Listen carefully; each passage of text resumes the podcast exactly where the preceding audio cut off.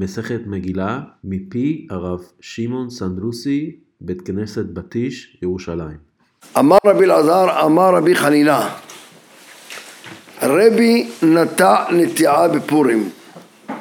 רבי אלעזר אומר בשם רבי חנינה, הם היו אמוראים, אומרים, ראינו, אומר רעה לפחות, ראינו את רבי שנטע נטיעה בפורים. הוא בעצמו רבי הלך לאדמה, חפר באדמה ונטע נטיעה, עץ, לקח עץ ונטע אותו באדמה ביום פורים עצמו. ועוד דבר מעידים על רבי ורחץ בקרונה של ציפורי בשבעה עשר בתמוז. הוא, ראינו אותו שהוא נכנס למרחץ והתרחץ בקרונה של ציפורי. ציפורי זה... קרונה של ציפורי, הכוונה היא איפה שיש הילוך קרונות. כאילו מקום אה, בפרהסיה. כאילו לא חשש שיראו אותו. היה שם איזה בית מרחץ בפרהסיה, איפה שהולכים קרונות של הסוסים והעגלות, שכולם עומדים שם כדי לקחת סוס ועגלה למקום אחר, לנסיעות, ושם היה בית מרחץ, וראינו את רבי נכנס לשם ורוחץ ביום שבעה עשר בתמוז. שבעה עשר בתמוז הוא צום. אז לכן הוא עשה את זה בכוונה לכאורה, כדי להדגיש לנו שמותר להתרחץ בתעניות אחרות, וכל איסור תענית נאמר רק בתשעה באב או בזמנים אחרים, אבל ביום שבעה עשר מותר להתרחץ, כי אם הוא יתרחץ רק בגלל שהוא אסטניס או חולה או משהו כזה, הוא היה מחפש לו מרחץ צדדי, אבל אם הוא הלך להתרחץ במרחץ הציבורי, שמע מינה שמותר להתרחץ בי"ז בתמוז. ועוד דבר שמענו מרבי, כך אומר רבי אלעזר, עוד דבר שמעתי מרבי, ביקש לעקור תשעה באב. רבי רצה לבטל את צום תשעה באב. זהו, לא רוצים עוד צום תשעה באב. למה הוא רצה לבטל את צום תשעה באב? אז הגמרא אומרת שצום תשעה באב תיקנו אותו בזמן שיש צרות לעם ישראל. אבל אם בזמן רבי היה שלום, נכון, אנחנו יודעים שרבי בזמן רבי היה שלום ועם ישראל ישבו על אדמתם בלי גזרות קשות, בלי שום דבר, כמו שראינו במסכת העבודה זרה, בדף י עמוד א', שם ראינו שרבי ידידו הטוב היה קיסר הרומאי אנטונינוס, ואנטונינוס ממש נתן לרבי יד פתוחה וגם ראינו שם שלח לו זהב הכסף לאלפים ולמאות ורבי אמר לא צריך תודה אני מסודר. מה שנקרא ולרבי היה יותר אפילו מאנטונינוס. כי הגמרא אומרת רבי היה גדולה, תורה וגדולה במקום אחד. עד רבי לא היה, ממשה רבנו לא היה כזה דבר. שהיה החכם הכי גדול שבדור גם העשיר הכי גדול שבדור. אין כזה דבר. מאז רבי יכול להיות בן אדם עשיר גדול אבל לא הכי חכם. יכול להיות חכם אבל לא הכי עשיר גדול שבדור, שיהיה החכם הכי גדול שבדור והעשיר הכי גדול שבדור היה רק בזמן רבי ולפניו היה אה, משה רבנו ואחריו היה רב אשי. בכל אופן, אז הוא אומר את הגמרא, אז רבי רצה לעקור תשעה באב, הוא אמר בזמני יש שלום ואחווה וכולם יושבים על אדמתם, ישראל נהנים, אמר לבטל תשעה באב, כי תשעה באב תיקנו אותו, כשיש צרות לעם ישראל ועל חורבן בית המקדש ופלוס שכעת זה גם שעת צרה אבל אם נחרב בית המקדש וכעת זה לא שעת צרה לא צריך תשעה באב ככה סבר אה, רבי אמר רבי, לו למה רבי עכשיו בציפורי ולא ביבנה? יבנה מה יש לעשות ביבנה מה, לא היה סנהדרין ביבנה? איפה היה לו את הישיבה שלו תמיד? היה בבית שערים בית שערים. אז עכשיו הוא בציפורי. הוא כן היה בציפורי היה בטבריה זאת אומרת, הוא לקח את הסנהדרין, לא? פתאום היה סנהדרין בכלל, סנהדרין התבטלו כבר בחורבן בית המקדש, 40 שנה לפני חורבן בית המקדש כבר התבטלו הסנהדרין. לא. כן, ו... ולא הודו לו. אבל חכמים לא הודו לו, לא הסכימו אותו עם רבי מה שהוא רצה לעקור את תשעה באב. ולמה? ואז כתוב פה, אמר לפניו רבי אבא בר זבדה, אמר עכשיו, אמר לפניו רבי אבא בר זבדה, אמר לרבי אלעזר, לא לרבי, אמר לפניו רבי אבא בר זבדה לרבי אלעזר, שמספר שרבי רצה לעקור תשעה באב, אמר לו רבי, לא ככה היה מעשה, רבי לא רצה לעקור תשעה באב, אלא תשעה באב שחל להיות בשבת הבאה. היה שנה אחת שתשעה באב חל להיות בשבת הבאה, ודחיניהו לאחר השבת, והוא דחה אותו לאחר השבת, ואמר רבי, הואיל ונדחה יידחה. אומר רבי רצה לעקור תשעה באב שחל בשבת, הוא לא רצה לעקור כל תשעה באב שחל ביום חול. זה מה פתאום, זה הוא לא רצה לעקור, זה צריך לצום, צריך להתאבל על uh, חורבן בית המקדש, כל המתאבל על ירושלים זוכה ורואה בשמחתה, זה הוא לא רצה לעקור, הוא רצה לעקור תשעה באב שחל בשבת, הוא אמר בטח תשעה באב שחל בשבת, הרי דחו אותו. מיום שבת, דחו אותו ליום ראשון, אם דחו אותו ליום ראשון אז הוא קל, בטח אתה לא צמים ביום שלו, אז כיוון דנדחה נדחה, אז כיוון שנדחה נדחה אותו לגמרי ונבטל אותו לגמרי אם תשעה באב יחול בשבת. זה הייתה שיטת רבי. זאת אומרת, הוא חולק עליו רבי אבא בר זבדא רבי אלעזר. רבי אלעזר אומר שרבי רצה לבטל תשעה באב לגמרי. אמר לו לא, הוא לא רצה לבטל תשעה באב לגמרי. תשעה באב רגיל להשאיר אותו, רק תשעה באב שחל בשבת, לבטל אותו כי בלקח כיוון שהוא כבר נדחה, אז נדחה אותו עד הסוף. אמר לו רבי אלעזר ועל זה לא, וגם על זה לא הודו לו חכמים. ואמר רבי הואיל ונדחה יידחה, הואיל וכבר נדחה יידחה, ולא הודו חכמים, וגם על זה לא הסכימו איתו חכמים לבטל את צום תשעה באב, אפילו בשעת שלום ושלווה וזה זה. אתם יודעים שאחד מהדברים שעשה שבתאי צבי, ששם רשעים ירכב, שכשהוא בהתחלה, שעשו אותו משיח, אחד מהדברים הראשונים שהוא עשה הוא ביטל את צום תשעה באב, אמר כבר משיח הגיע וכבר הכל שמחה בעולם וכל העולמות שמחים, לא צריך תשעה באב, ואכל הוא בעצמו ביום תשעה באב ונמשכו אחריו עוד הרבה יהודים שאכלו ביום תשעה באב בשנה הזאת תכ"א וכעסו עליו החכמים שהוא מבטל תשעה באב, כי פה רואים שגם רבי שרצה לבטל תשעה באב, וביום אה, היה בזמנו נחת ושמחה ועם ישראל היו בארץ ישראל ועל אדמתם והיה לו יד פתוחה אז בכל זאת בסוף לא הודו לו חכמים. אז אתה רוצה לבטל תשעה באב שאנחנו נמצאים תחת הגלויות ותחת סולטן הטורקי ותחת הסולטן הזה ועם ישראל משועבדים מה אתה חושב שבגלל שפרחת באוויר פה, קצת לפה ושם, שם, כבר אתה יכול להשתלט על העולם? הוא היה בטורקיה, לא? הוא היה טורקי, לא? היה באיזמיר. כן, היה בטורקיה. אז ספרד.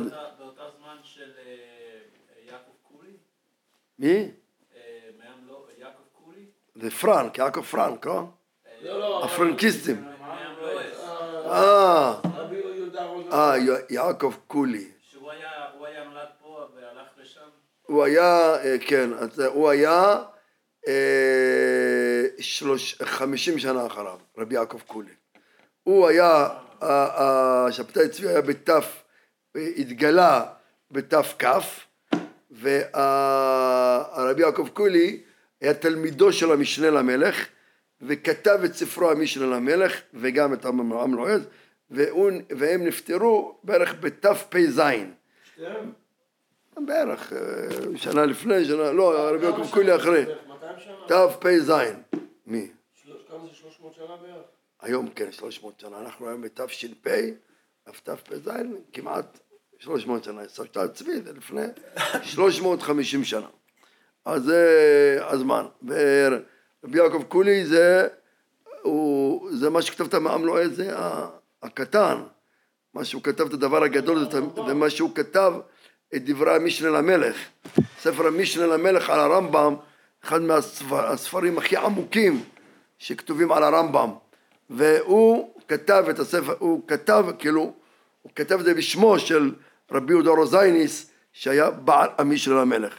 הוא כתב את זה, רבי יהודה רק דיבר ודיבר והוא כתב את זה, והוא שכלל את זה, ואת הכתבים שלו, ועשה. שם ניכרת גדלותו, של רבי יעקב קולי. כל שכן, גם לועז, כאילו, אנשים קוראים לועז, חושבים שזה סיפורים, דרשות וזה. רבי יעקב קולי היה תלמיד חכם עצום, בעל הבנה עמוקה ברמב"ם ובכל הראשונים. טוב, בכל אופן, אז זה מה שהוא אמר, וגם זה לא הסכימו לא חכמים, שזה, קרא עלי, רבי אלעזר קרא על רבי אבא בר זבדא שאמר לו את הדבר הזה, חלק עליו, אבל הוא לא רצה לבטל תשעה באב ממש. אמר לו, טובים השניים מן האחד. הוא אמר לו, תראה, ברוך השם, טוב שסיפרתי את ההלכה הזאת, כי על זה סיפרתי אותה, אז אתה תיקנת אותי, ואני מודה לך. אם לא הייתי מספר אותה, לא הייתי יודע לתקן אותה. בגלל שסיפרתי, אתה הערת לי, אני מקבל את הערתך, ואתה צודק, שבאמת זה לא רצה לבטל תשעה באב, רצה לבטל רק תשעה באב נדחה. זה בקהלת, ויש להם אה, טוב בעמלם. זאת אומרת, לשניים, זה תכף המשך. טוב השניים מן האחד, כי כאשר ייפול האחד, השני יעזרהו, כן. וטוב לשניהם בעמלם. כן, ו- בכבוד, תקרא את הפסוק. זהו, זה הפסוק בדיוק. טובים השניים מן אחד, אשר יש להם שכר טוב בעמלם. בעמלם. אה, תראה, אם תתחלם אישה, אז יהיה לך יותר טוב מבלי. איש, כן? זה השניים ביחד. הם אז שני חברים, הם שני חברים שהם חיים, כן. והם אוהבים אחד את השני, והם מוכנים למסור נפש אחד למען השני, כן. אז הם טובים השניים, כי כאשר ייפול האחד, השני יעזור לו. ואחוז את המשולש, לא במהרה יתנתק. זה עוד יותר, אבל. כשיש שניים, אז אומרים שבן אדם לפעמים הוא למטה, אז השני עוזר לו לעלות, לפעמים הוא למטה, השני עוזר לו לעלות, בין בגשמיות, בין ברוחניות, לפעמים בן אדם נופל ברוחניות, אז הוא לפני שיפול עד למטה, אז חברו תופס אותו שלא ייפול, אז זה טובים השניים מן האחד, אבל כשבן אדם נמצא לבד זה לא, ויש כבר את הסיפור שמספר הבן איש חי על האהוב וחצי שאחד אמר שאחד אמר יש לי רק אהוב וחצי לא יותר. אחד אמר יש לי מלא אהובים. אה אני מלא כולם אוהבים אותי מלא ידידים מלא מכרים וזה. אמר לו "אה, בשעת צרה תראה כולם בורחים. אבל זה יש סיפור ארוך שם היינו בספרו של הבן איש חי. אומרת הגמרא שואלת הגמרא עכשיו נכנסת לעניין אחר ורבי איך היא נטע נטיעה בפורים? איך רבי עשה נטיעה בפורים? הרי לעשות נטיעה בפורים זה מלאכה, כן? מלאכת נוטע, זה מלאכת זורע ב- למלאכות שבת ואסור לעשות מלאכה בפורים, איפה יודעים שאסור לעשות מלאכה בפורים? ועתנא רב יוסף, רבי יוסף אמר שהרי כתוב בפסוקים במגילה שמחה ומשתה ויום טוב כן לעשות ימי הפורים האלה שמחה ומשתה ויום טוב שמחה, מה זה שמחה ומשתה ויום טוב? שמחה מלמד שאסורים בהספד יום פורים אסור לעשות, פה, הס- אסור לעשות בו הספדים על מת למה? כתוב לשמוח, כשאתה עושה הספד, למה עושים הספדים? כדי שבן אדם יוריד דמעות, אז זה בדיוק ההפך משמחה. אז אם כתוב על פורים שצריכים לשמוח בו, אסור לעשות בו הספדים. ומשתה מלמד שאסור בתענית. ומה זה משתה? כתוב שמשתה זה בדרך כלל אה, אכילה עם אה, שתייה, עם יין. אז מהמילה משתה אני לומד שפורים אסור להתענות בו. אסור להתענות בפורים. ויום טוב, מה זה יום טוב? למה כתוב שעשו אותו יום טוב? מלמד שאסור בעשיית מלאכה.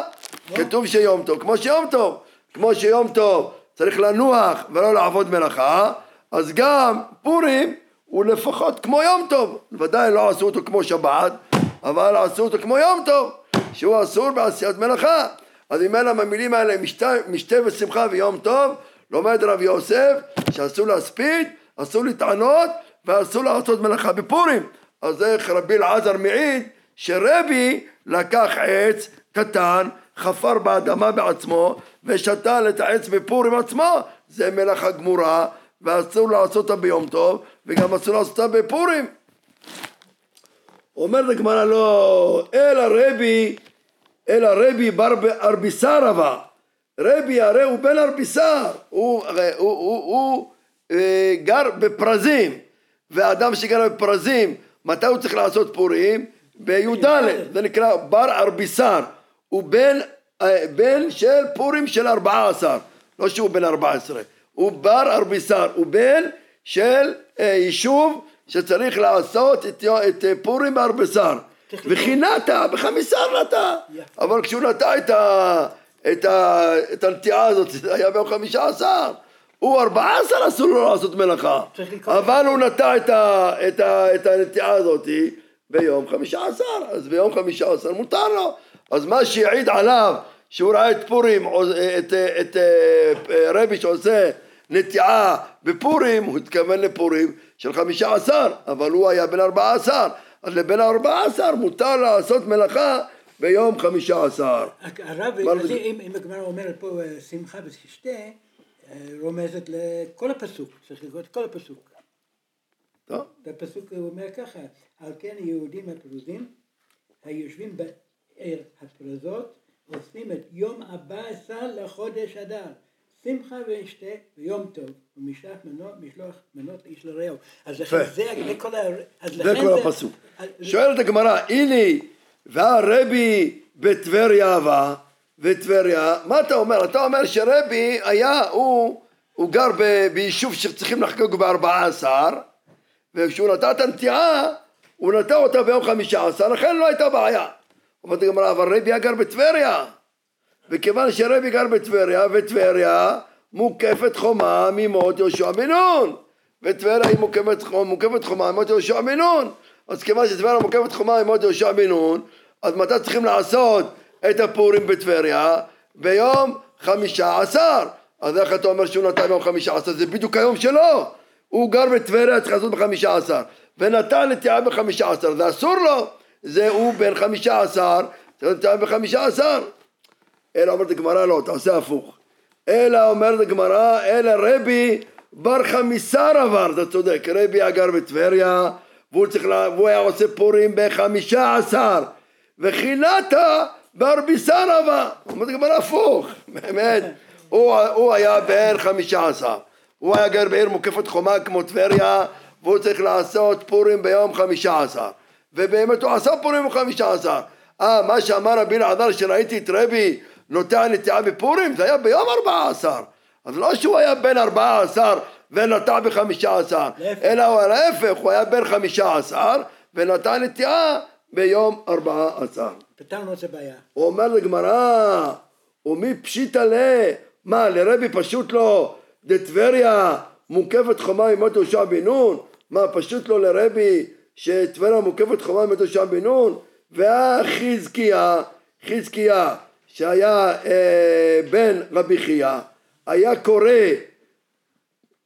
בטבריה, גם הוא היה גר בטבריה, אנחנו יודעים שרבי חייא, היו לו שתי בנים, יהודה וחזקיה, הם קבורים בטבריה, מי שרואה שם בטבריה, אז יש שם אה, קברות רבי חייא ובניו, רואים שם קבר רבי חייא ושני קברות לידם, אחד נקרא חזקיה ואחד נקרא יהודה.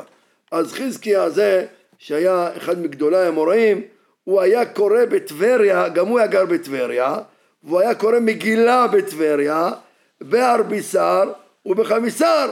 הוא היה קורא את, את המגילת אסתר בטבריה גם ביום ארבעה עשר וגם ביום חמישה עשר. למה? מספקלה. היא מוקפת חומה ממות יהושע בן נון, היא או לא, הוא היה מסופק. הוא לא ידעו על טבריה, האם היא מוקפת חומה ממות יהושע בן נון או לא. אם הוא מוקפת חומה ממות יהושע בן נון, צריכים לעשות בחמישה עשר. אם, אם היא לא מוקפת חומה ממות יהושע בן נון, צריך לעשות בארבעה עשר. אז מחמת הספק, הוא היה עושה ביום ארבעה עשר וביום חמישה עשר. זאת אומרת, הגמרא, אז מה רבי, מה לרבי הכל, אה, מה איתו? הרי אה, חזקיה יש לו ספק, אז מסתבר שאולי גם לרבי יש ספק. אז איך אתה אומר שהוא נתן נטיעה, ב... הוא, הוא עשה פורים בחמישה עשר, ונתן נטיעה בארבעה עשר. הרי גם נטיעה בארבעה עשר היא צריכה להיות אסורה, מספק אולי זה הפורים האמיתי של טבריה. אז אולי זה, אולי זה הפורים האמיתי של טבריה, כי אולי היא לא מוקפת ממות יהושע בן נון, וצריך לעשות פורים בארבע עשר, אז, זה, אז הפורים העיקרי זה ארבע עשר, ואז אז יכול להיות פורים גם בחמישה עשר וגם בארבע עשר, אז בשניהם אסור לעשות פה אה, נטיעה, כי שניהם לספק, אז איך הוא נטע? אומרת הגמרא, מה אתה רוצה מרבי? לחזקיה מספקלה, לרבי פשיטלה. אומר לו, מה אתה רוצה? לחזקיה הוא מסופק אם טבריה מוקפת חומה ממות יהושע בן נון, או לא מוקפת חומה ממות יהושע בן נון, ולכן הוא היה חסיד וקדוש, והיה עושה פעמיים פורים, גם בארבע עשר וגם בחמישה עשר, והוא היה מחמיר חזקיה לעשות כל הדברים, לא לעשות תענית, לא מלאכה, לא זה, לא, גם בארבע עשר וגם בחמישה, אבל לרבי פשיט עליה, לרבי היה פשוט לו, מכוח כל מיני פסוקים, כמו שנראה בהמשך, היה פשוט לו שטבריה מוקפת חומה ממות יהושע בן נון וצריכים לעשות בה רק בחמישה עשר וכך הוא עשה. היה עושה פורים עיקרי רק בחמישה עשר ובי"ד אולי היה עושה בכלל פורים. לא קראת מגילה והיה מתיר לעשות הספדים ומלאכות והכל. אומרת הגמרא וכי פשיטא לה אומרת הגמרא בוא נגיד שפשיטא לה בוא נגיד שרבי כמו שאתה אומר פשוט לא שטבריה מוקפת חומה מת יהושע בן נון ולכן בטבריה צריכים לעשות ביום חמישה עשר ומה שהוא עשה נטיעת עץ זה היה בארבע עשר הכל טוב ויפה. אומרת גמרא אבל למדנו מסכת ולמדנו מגילת תענית אומרת גמרא וכי פשיטא להם משאר גם אם פשיטא להם וכי זה מותר? והכתיב במגילת תענית את יום ארבעה עשר ואת יום חמישה עשר יום פוריה עינון דלה למספד בהון הרי במגילת תענית, מה זה מגילת תענית? נכון, כבר הזכרנו את זה פעם. מגילת תענית זה כל הימים שרשמו אותם בימי בית שני, מאנשי הכנסת הגדולה עד אה, כל ימי בית שני, רשמו את כל הימים שנעשו בהם ניסים או טובות לעם ישראל, רשמו אותם במגילת תענית ואמרו כל הימים האלה לא, לא, לא, לא, לא, לא למספד בהו ולא לטענות בהו. ורשמו, יש כל מיני ימים שהגמרא רושמת, הנה יש שם מסכת תענית, בסוף הזה מסכת תענית של שוטנשטיין, יש שם, לא שוטנשטיין, זה מטיפתא, יש שם את מגילת תענית, שם מגילת תענית, כתוב בהם כל הימים, יום אחד שניצחו את הצדוקים, שאמרו שלהקריב את העומר ביום ראשון ולא ביום השני של פסח או ביום הזה קבעו אותו ביום שניצחו את הצדוקים, עשו אותו אה, יום שמחה. כל מיני ימים כזה. אבל גמרא, אז אחד מהדברים שכתובים שמה, במגילת תענית, כתוב שמה את פורים. כתוב שמה אה, הרבה ימים, גם חנוכה כתוב שמה, וכתוב שמה גם את פורים. מה כתוב את פורים? כתוב שבפורים, ביום ארבעה, כך כתוב שמה. את יום, כך כתוב במגילת תענית.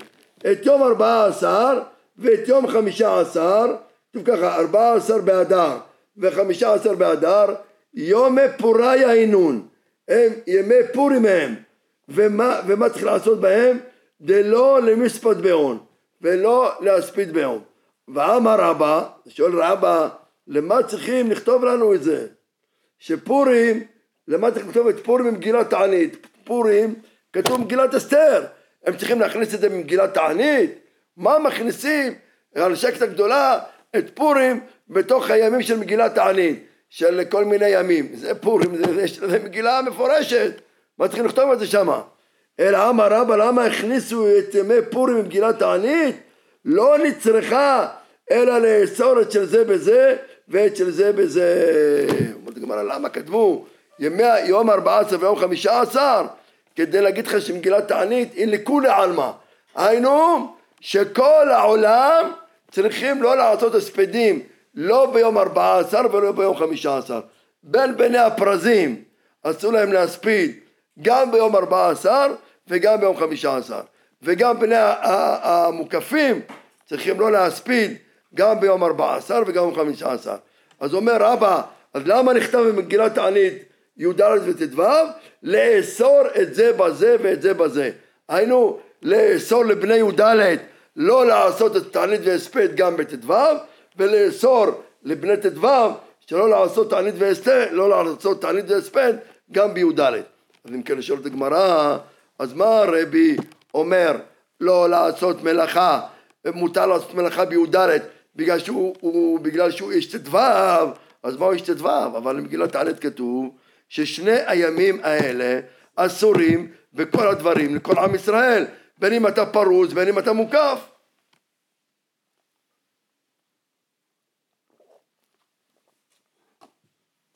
אומרת הגמרא, הנה מילה בהספד ובתענית, אבל מלאכה יום אחד ותו לא. אומרת הגמרא, לא, תדייק, מה כתוב במסכת תענית?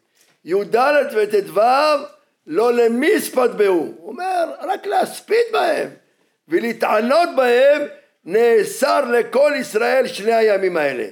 לא להספיד ולא לטענות היינו שלא אה, אסור להספיד. גם אם אתה פרוז אסור לך להספיד ביום ט"ו וגם אם אתה מוקף אסור לך להספיד בי"ד. אבל מלאכה יום אחד ותו לא אבל מלאכה לא נאסר לזה ולזה את, את שני הימים האלה אלא לבני ט"ו נאסר רק ט"ו יום אחד ולבני אה, זה פרזים נאסר להם רק י"ד יום אחד. כי חמים לא רצו חכמים לא רצו לבטל אנשים ממלאכה. מלאכה זה לא קל, זה פרנסה, זה כסף, אנשים צריכים לאכול, צריכים לשתות, אז לכן אמרו, אמרו לגבי הספד ותענית אנחנו רוצים שירגישו שמחה בימים האלה, אז כיוון שאנחנו רוצים שירגישו שמחה בימים האלה, לכן אסרנו את י"ד וט"ו לעשות בהם הספד ותענית לכל ישראל, בין בגרים בפרזים, בין גרים מוקפים. אבל מלאכה, אם אתה י"ד, אל תעשה מלאכה ביום פורים, כדי שתהיה שקוע בשמחה ותאכל ותשתה ולא תתערב במלאכה. ואם אתה ט"ו, אז אל תעשה מלאכה ביום ט"ו. אבל אם אתה ט"ו ורוצה לעשות בי"ד, הכל בסדר, זה מותר. אה? טוב. היום, היום גם אסור לעשות... אה, מוחים, כל פתוח. אה, רק צורכי רבים. אבל ללכת לעבוד במפעל, הרבה אנשים, ל...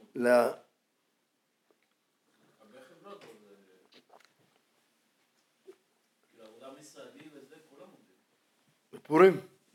לא כולם, אבל יש, יש, לא לא? הבנקים פתוחים בפורים. כאילו, זה יום- זה יום התאגידים בחירה, הגדולים, זה יש. כולם עובדים. אה? זה יום בחירה. כלומר, אנשים לא יכולים. או. דברים שקורים ב... לא, לא בחירות. אני אם אני עכשיו מזוזות, נגיד בוחרים בוחרים בפורים. אסור. אסור לכתוב. זה, אבל מה היעדים שלהם? הן פסולות, הן לא פסולות. גם אם כתבת בשבת זה כמעט לא פסול. יש נדון גדול, אם אדם כתב מזוזה בשבת, מה הדין? טוב. אה, אומר לגמרא, ואמר רבא, טוב, זה ראינו, כאן אומרת גמרא, הנה, מה אתה אומר? שמלאכה נאסרה רק יום אחד ותו לא? הנה, והרב, ספר לגמרא סיפור, והרב חזי אלהו גברא, דעה וקשה דקיתנא בפוריה, רב ראה חזה, ראה לאותו אדם, דעה וקשה דקיתנא בפוריה, היה זורע פשתן בפורים, הוא ראה אותו זורע זרעוני פשתן באדמה, שזה מלאכה גמורה לזרוע, ובפורים, וקילל אותו רבה, ואומר לגמרא, ולתיה, וקילל אותו רבה, ובגלל הקללה שלו שהוא קילל אותו ולא צמח קיטנה. בגלל שהוא קילל אותו לא צמח הפשתן הזה. מחמת קלילתו של רבא שאמר אני מקלל שהפשתן הזה לא יגדל וככה היה אז שואלת הגמרא למה הרבא קילל אותו? הרי זה לא היה ביומו מתארת הגמרא לא זה כן היה ביומו אטם בר יום מאהבה. באמת כאן המפרשים רוצים לדון מה, מה, מה הייתה אהבה אמינא לגמרא שזה לא היה ביומו. כאילו פשוט לה בהתחלה שאם הוא קילל אותו זה לא היה ביום שלו, הוא היה בן י"ד, וקילל- והוא, והוא זרע בט"ו, ורבא קילל אותו. הגמרא אומרת לו, לא, הוא קילל אותו, זה היה באותו יום שלו, הוא היה בן י"ד. המפרשים אומרים, כי אם זה היה ממש ביום פורים עצמו, הוא לא רק מקלל אותו, היה עושה עליו נידוי. אם כתוב שהוא רק קילל אותו, שמע מינה שזה לא היה היום שלו. ומזה הגמרא רוצה להביא ראיה שפורים היה אסור במלאכה גם ביום שאינו שלו. אבל הגמרא מגיעה למסקנה, לא, אין הכרח גמור, יכול להיות שהוא קילל אותו ולא עשה עליו נידוי, באמת זה היה היום שלו, הוא היה בן י"ד והוא עשה מלאכה ביום י"ד. אז למה רבא לא עשה עליו נידוי? כי כנראה הוא לא ידע אם זה פעם ראשונה, כי לפעמים לא אה, מענישים, אלא אם כן מזהירים. אז לכן הוא עשה עליו רק קללה, שלא יצמח הדבר הפשטן הזה. אומרת הגמרא, רבא ברי דרבא אמר, אפילו תמה, עכשיו הוא רוצה להגיד תירוץ אחר על אה, למה רבי עשה מלאכת נטיעה בפורים. אז התירוץ הראשון שעכשיו תרצנו, שבאמת שני הימים האלה אסורים לכל עם ישראל בהספד ותענית, אבל מלאכה מותר לעשות בו מלאכה ביום השני, ביום השני שזה לא שלך. היינו בין י"ד מותר לעשות מלאכה בט"ו, בין ט"ו מותר לעשות מלאכה בי"ד, ורבי היה בין ט"ו ועשה מלאכה בי"ד. אומרת הגמרא שרבא מתרץ תירוץ אחר. רבא ברד דרבא אמר אפילו תמה ביומי, אפשר להגיד שהוא נתן את הנטיעה ביום שלו, הוא היה בן ט"ו והוא נטע בט"ו. אומרת הגמרא הספד ותענית קיבילו עליו מלאכה לא קיבילו עליו. אומרת עם ישראל באמת מרדכי ואסתר בהתחלה כשהם תיקנו הם אמרו משתה ושמחה ויום טוב. הם, הם ביקשו שפורים יהיה אסור בהספד אסור בתענית ואסור בעשיית מלאכה. ככה הם שלחו באיגרות לכל עם ישראל למאה ועשרים שנה. אבל עם ישראל לא הסכים לאסור את פורים בעשיית מלאכה אלא הסכים רק לקבל את שני הדברים הראשונים שזה הספד ותענית ולכן רואים בפסוקים אה? ראיה לבני הכפרים שהיו באים לסחור בזה, בי"ד. כן, רואים, לפחות רואים שזה לא יום טוב ממש. אפילו תמה ביום, ביום הספד ותענית קיבלו עליו, מלאכה לא קיבלו עליו. זה מעיקר הכתיב, שמחה ומשתה ויום טוב. כי הרי בהתחלה כתוב שקיבלו עליהם לעשות שמחה ומשתה ביום טוב. ולבסוף מה כתוב? ובסוף כתיב לעשות אותם ימי משתה ושמחה. ואילו יום טוב לא כתיב. זה בכ"ב. כן, אז רואים, מה אומר? אומר אומר רב יוסף צודק. כתוב משתה ושמחה ויום טוב, תענית, הספד, ולא לעשות מלאכה. זה בהתחלה, אבל אחר כך כתוב שלא קיבלו את זה עליהם, לא הסכימו לעשות אותו יום טוב, זה כבד עליהם. כי ה- באותה פסוק גם מסיימים עם זה שמשלוח מנות איש לרעהו מתנות לאביונים, כמו בפסוק י"ט. כן, והורידו את המילה יום טוב. בדיוק. אם הורידו את המילה יום טוב, שמע מינה שלא הסכימו לעשות את פורים כמו יום טוב. אומרת גמרא, ואל הרב, מהי טעמה? לה תהיה לה גברא. אז אם כן, אז למה הרב קילל אותו? הרי אמרנו עכשיו מקודם, שאותו בן אדם עשה מלאכה ביום פורים. אם הוא עשה לא ביום פורים, אלא בפורים השני, עוד יותר קשה. אבל אפילו אם הוא עשה את המלאכה באותו יום פורים עצמו, שזה י"ד, והוא זרע פשתן ביום י"ד, אז למה הרב מקלל אותו? מותר לעשות מלאכה בפורים. מה הוא רוצה? אומר לגמרא, ואל הרב, מהי טעמה לה? תהיה לה הוא גברא. אומרת הגמרא, דברים המותרים ואחרים נהגו בהם איסור עבר. ובאתרי דרבי לא נהוג. אומרת הגמרא, היה פה שתי דברים. באמת, בעירו של טבריה, בעירו של רבי בטבריה, לא קיבלו עליה, לא נהגו לעשות, לא נהגו להימנע ממלאכה בפורים. כולם היו עושים מלאכה בפורים. אז ממנה גם רבי הלך ונטע את הנטיעה הזאת בפורים. כי באמת היו עושים מלאכה בעירו של רבי בפורים. אבל באתרי דרב בעירו של רב, שם קיבלו עליהם והיה מנהג לא לעשות מלאכה בפורים.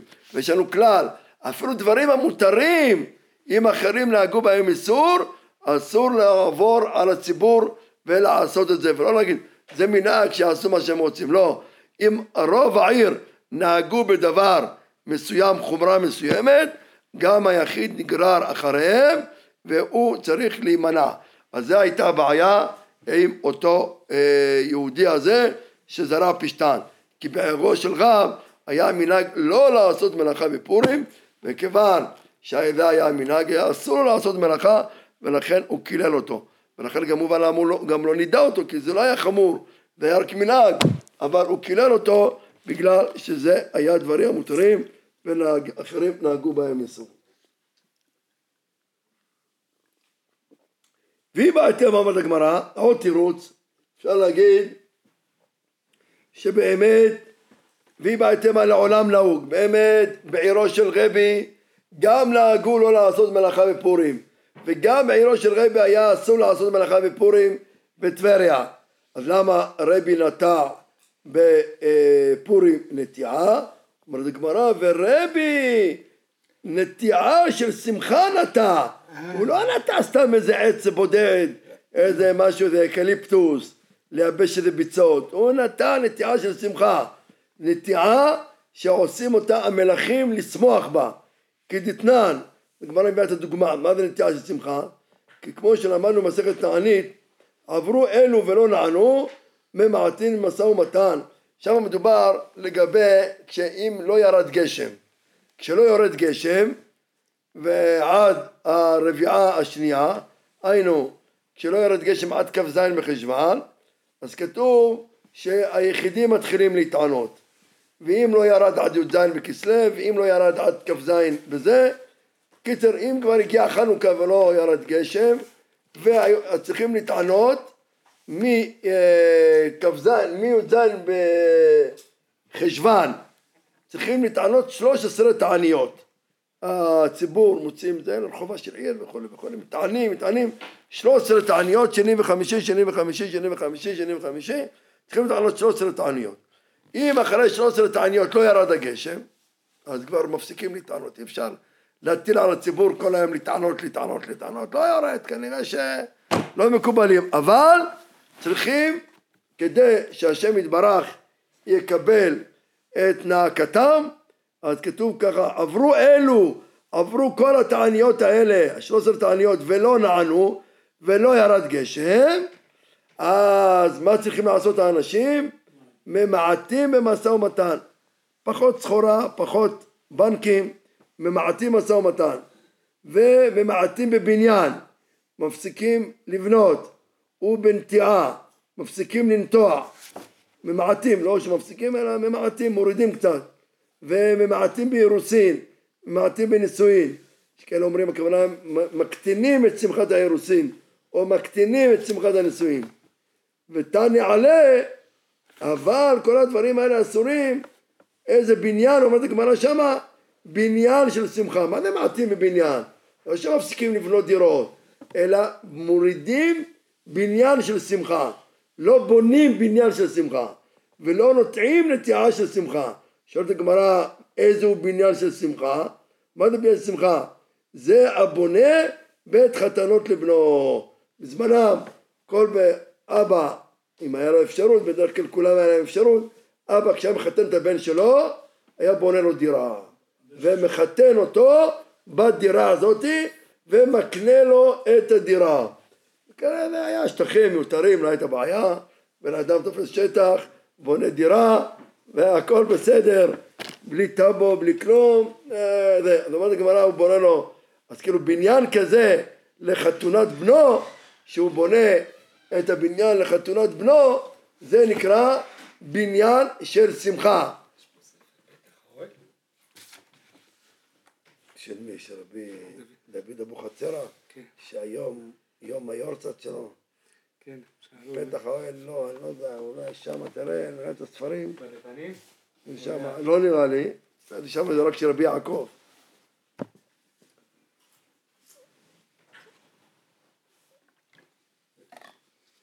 היום זה בדיוק מאה שנה לפטירתו של רבי דוד אבוחצירא, שנקרא עטרת ראשנו, שהיה אחיו של בבא סאלי ונהרג על ידי המושל, והיה כפרה על כל עם ישראל. זכותו יגן עלינו.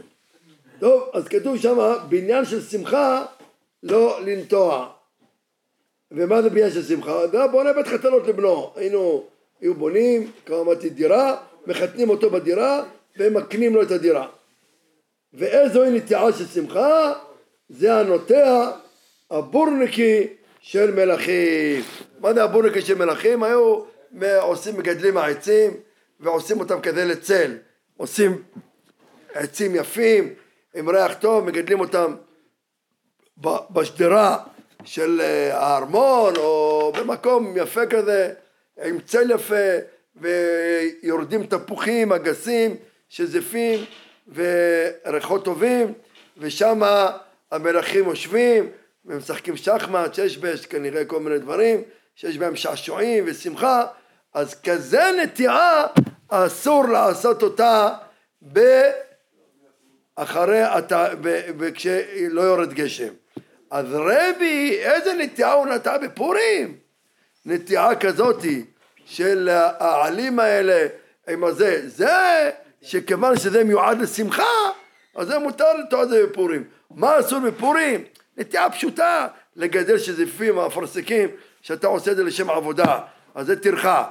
אבל לגדל, לעשות איזה דבר כזה יפה, שמביא שמחה ושעשוע, וכולה, זה מוסיף שמחה בפורים, זה מותר לעשות בפורים וזה מה שעשה. הנטייה של שמחה זה, הוא נטע עץ עכשיו שיגדל... כמה עצים, זה לא היה רק עץ אחד, כמה עצים, אם הם מטים אותם ככה בצורה קשת. אבל זה יגדל עוד אה, חמש שנים. לא, במקום הוא עושה את זה, הכל מסודר.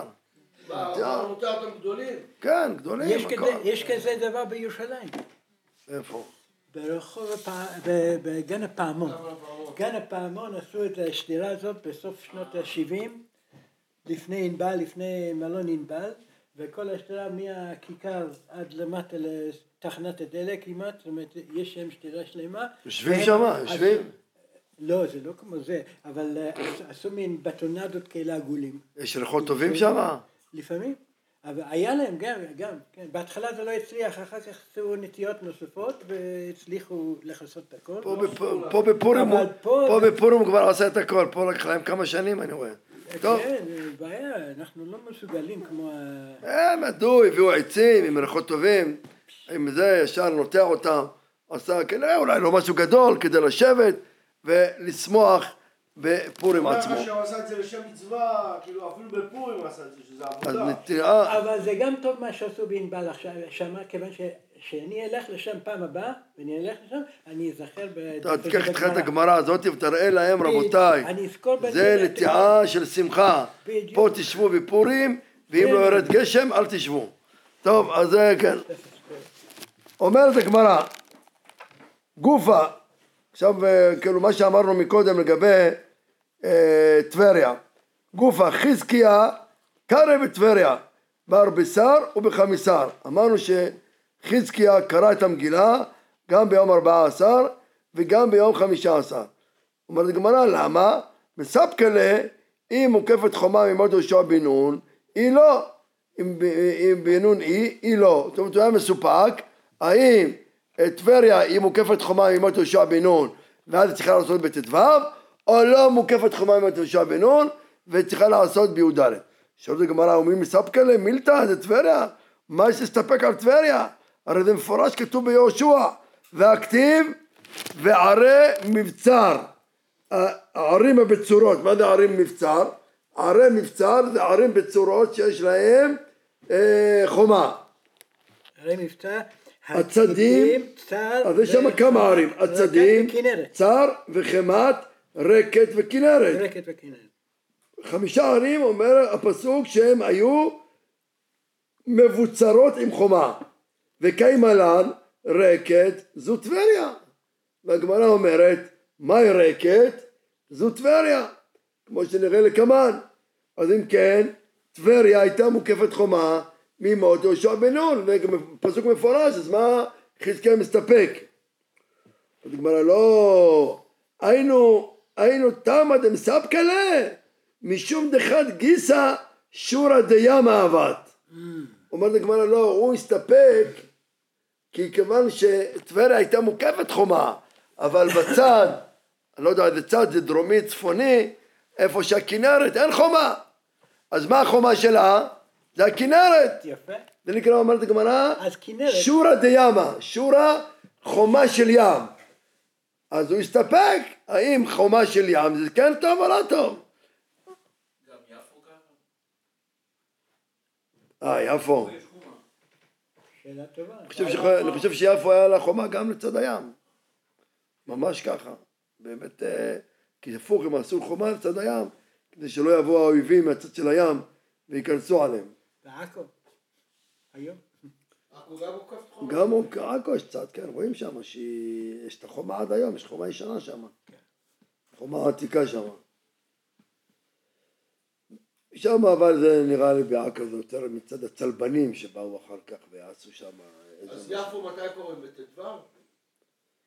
אה, מסופקים שם, אם זה יפו בדיוק או לא יפו בדיוק, מסופק. החזון איש היה קורא בבני ברק ביום חמישה עשר, בגלל שהוא אמר שיפו, כי בני ברק היא סמוך ונראה ליפו. אה, אז הוא אמר, כיוון אה, שהיא סמוך ונראה, אני לא יודע מה המרחק בין אה, יפו לבני ברק, אבל כנראה מבני ברק כן אפשר לראות את יפו. או מיפו כן רואים את בני ברק. אז הוא אמר שצריך, לה... הוא, הוא לא רצה להגיד, הוא אמר הוא מסופק ולכן הוא החמיר. כל עיר היום שבן אדם מסופק אם היא מוקפת חומה ממות יהושע בן נון או לא, אז, עושים ב, רק בארבעה עשר, כי הולכים בתא רוב העולם. אבל גם מה שכתוב פה, שחזקיה עשה וזה זה, מצד הדין הוא צריך לעשות בי"ד, רק הוא החמיר על עצמו, זה מידת חסידות. מידת חסידות, שאם אדם מסופק תעשה בי"ד וט"ו. אבל בעיקרון, היום גם הערים שמסופקות עושים בי"ד, כי הולכים בתא רוב העולם. אבל אם בן אדם רוצה להחמיר, זה, לכן החזון איש החמיר על עצמו, אבל הוא לא, הוא לא פסק את זה לרבים, הוא לא אמר לא צריך לעשות. הוא אמר, הוא מסופק ולכן הוא עושה. איך אפשר להחמיר? אם זה באמת בי"ד, לא, אז עושים, בי"ד עושים עם ברכה, עם כל הדברים, ובט"ו קוראים את המגילה בלי ברכה, ולא עושים מלאכה, ולא עושים הספד, לא תענית, מתנות לאביונים וכולי, עושים. אומרת הגמרא, לא היה חומה, לא? ירושלים הייתה, כבר הייתה שייכת ליבוסי שם, כבר היה חומה. לא צריך שיגורו בה יהודים, אפילו היה חומה עם גויים. אומרת הגמרא, מקיימה רקת וטבריה, היינו טעמה, אז אומרת הגמרא, לא, היינו טעמה דמספקלה, משום דחת גיסא שורא דיאמה אבת. אומרת הגמרא, יא אחי, אז, אז מה עם מספקלה? ודאי לאו חומה היא. אומרת הגמרא, אם יש צד אחד ים, זה לא נקרא חומה, כי אפשר ללמוד את זה משמה, מבתי הרי חומה, דתניא, אשר, דתניא אשר לא חומה, ו, ולא שור איגר. שם מדובר לגבי, למדנו בית בעיר חומה, אם בן אדם אה, מוכר בית בעיר חומה, בפרשת בער, בחוקותיי, שם כתוב שאם בן אדם מוכר בית בעיר שמוקפת חומה, הוא יכול לפדות את הבית תוך 12 חודש בחזרה. אם הוא לא פדה את זה תוך 12 חודש, היא נחלטת לקונה. אבל יש לך אפשרות עד 12 חודש. וזה זה הדין. בבית שאין בעיר חומה, זה, שם זה הפוך הדין. שבשנתיים הראשונות אתה לא יכול לפדות, ואחרי זה, אחרי שנתיים אתה יכול לפדות. אבל בכל אופן, בית בעיר חומה, אה, מותר לפדות אותו, המוכר, לחזור ולקח את הבית בחזרה, עד 12 חודש. אז הגמרא אומרת בפסוק אשר לא חומה ולא שור איגר. היינו, צריך דווקא שיהיה חומה ממש, אומרת הגמרא, אבל אם יש עיר שגגותיה הם חומותיה, היינו אין חומה, אלא הבתים צמודים אחד לשני, כל הבתים הסופיים צמודים אחד לשני, כמו שיש בהרבה מקומות, יש בתים צמודים, ועל זה כך זה נהיה חומה, אי אפשר להיכנס, כי הבתים הם מונעים את הכניסה, כי הם צמודים וצפופים אחד לשני. אז הגמרא לא, זה לא נקרא עיר, עיר, עיר מוקפת חומה, ויש דין של עיר פרוזה. ועוד אומרת הגמרא, כתוב אשר לו חומה סביב. ואז הגמרא דורשת? פרט לטבריה שימה חומתה. ושם הגמרא אומרת שגם טבריה היא לא נקראת עיר מוקפת חומה, כיוון שכתוב סביב, שהחומה תהיה סביב לכל העיר אותו דבר, אבל פה זה רק שלוש מקומות, שלוש צדדים זה חומה וצד הרביעי זה ים, אז לגבי בתי ערי חומה, טבריה נקראת לא מוקפת חומה, אז מה הוא רוצה? חזקיה? זה נקרא לא מוקף חומה, כיוון שיש לה ים, אז למה לגבי פורים הוא מסתפק? אומרת הגמרא, כי כמספקלה לעניין מקרא מגילה. כיוון, רק לעניין מקרא מגילה הוא מסתפק. למה? כי במקרא מגילה כתוב פרזים ומוקפין. ואז הוא, הסת... הוא הסתפק, מהי פרזין ומהי מוקפין. דכתיב לגבי מקרא מגילה. כשהתורה מדגישה, המגילה כותבת פרזים ומוקפים. מה זה פרזים, מה זה מוקפים? האם פרזין משום דאנה מיגלו ואנה לא מיגלו ואנה ממגליה? זאת אומרת, מה זה, מה ההבדל בין פרוז לבין מוקף? האם ההבדל הוא שפה זה מגולה, הכוונה היא פרוז אין לו חומה, אז רואים אותך, אתה מגולה, העיר מגולה, אבל אם אתה מוקף חומה, אז אתה מוסתר, לא רואים אותך. אז ממילא זה ההבדל, זה, זה הקובע מה נקרא מוקף או לא מוקף. אם אתה מגולה, אם אתה בלי חומה ואתה מגולה, זה נקרא פרוז. אם אתה לא מגולה, כי אתה מוסתר על ידי חומה, זה נקרא מוקף. אז הוא אומר, אז אם כן, טבריה, שיש לה ים, היא נקראת מגולה. אז כיוון שהיא נקראת מגולה, אז זה המודד. מה המודד, מה נקרא מוקף ומה נקרא פרוז? אם אתה מגולה, אתה נקרא פרוז. אם אתה מוסתר, אתה נקרא מוקף. אז טבריה, כיוון שבצד אחד יש ים, אז היא נקראת מגולה. אם נקראת מגולה, אז היא נקראת שהיא לא מוקפת חומה. אז כיוון שהיא לא מוקפת חומה, צריכה בי"ד. או שלא, או שמה זה המודד של אה, אה, פרוז ומוקף, או דילמה משום דהנה מיגנו, ואנה לא מיגנו, ואנה מגעניה. או שהמודד, מה, איך מודדים מה נקרא פרוז ומה נקרא מוקף, האם העיר הזאת מוגנת או לא מוגנת. פרוז היא עיר לא מוגנת, הכל פתוח, יכולים לבוא האויבים מכל הצדדים ולהיכנס. מוקף זה על ידי שאתה עושה לו את החומה, אתה מגן עליה, היא מוגנת יותר. אז ממילא אומרת הגמרא, כיוון שיש ים לטבריה, הים מגן עליה. אז ביחס ל... אם אתה מודד מצד... אם אתה מודד אם זה נקרא מוסתר, אם מוקף זה נקרא מוסתר, אז טבריה לא מוסתרת. אם, אם זה נקרא מוגן, אז ים גם מגן עליה. אז כיוון שהים מגן עליה, כי קשה לבוא ולהילחם מצד הים, אז, אז זה נקראת מוגנת, אז כיוון שהיא נקראת מוגנת, זה נקראת מוקף. אז הוא הסתפק, אז מה, אז מה הסתפק אה, אה, חזקיה? הוא ודאי יודע שטבריה היא מוקפת חומה עם יהושע בן נון. אבל לגבי בתי ערי חומה, למדנו שהיא לא, כיוון שיש לה ים, היא לא נקראת מוקפת חומה. אז לגבי אה, בתי ערי חומה היא לא נקראת מוקפת חומה, אבל הוא הסתפק לגבי קריאת מגילה. כי בקריאת מגילה התורה, במגילה הדגישה פרוז ומוקף.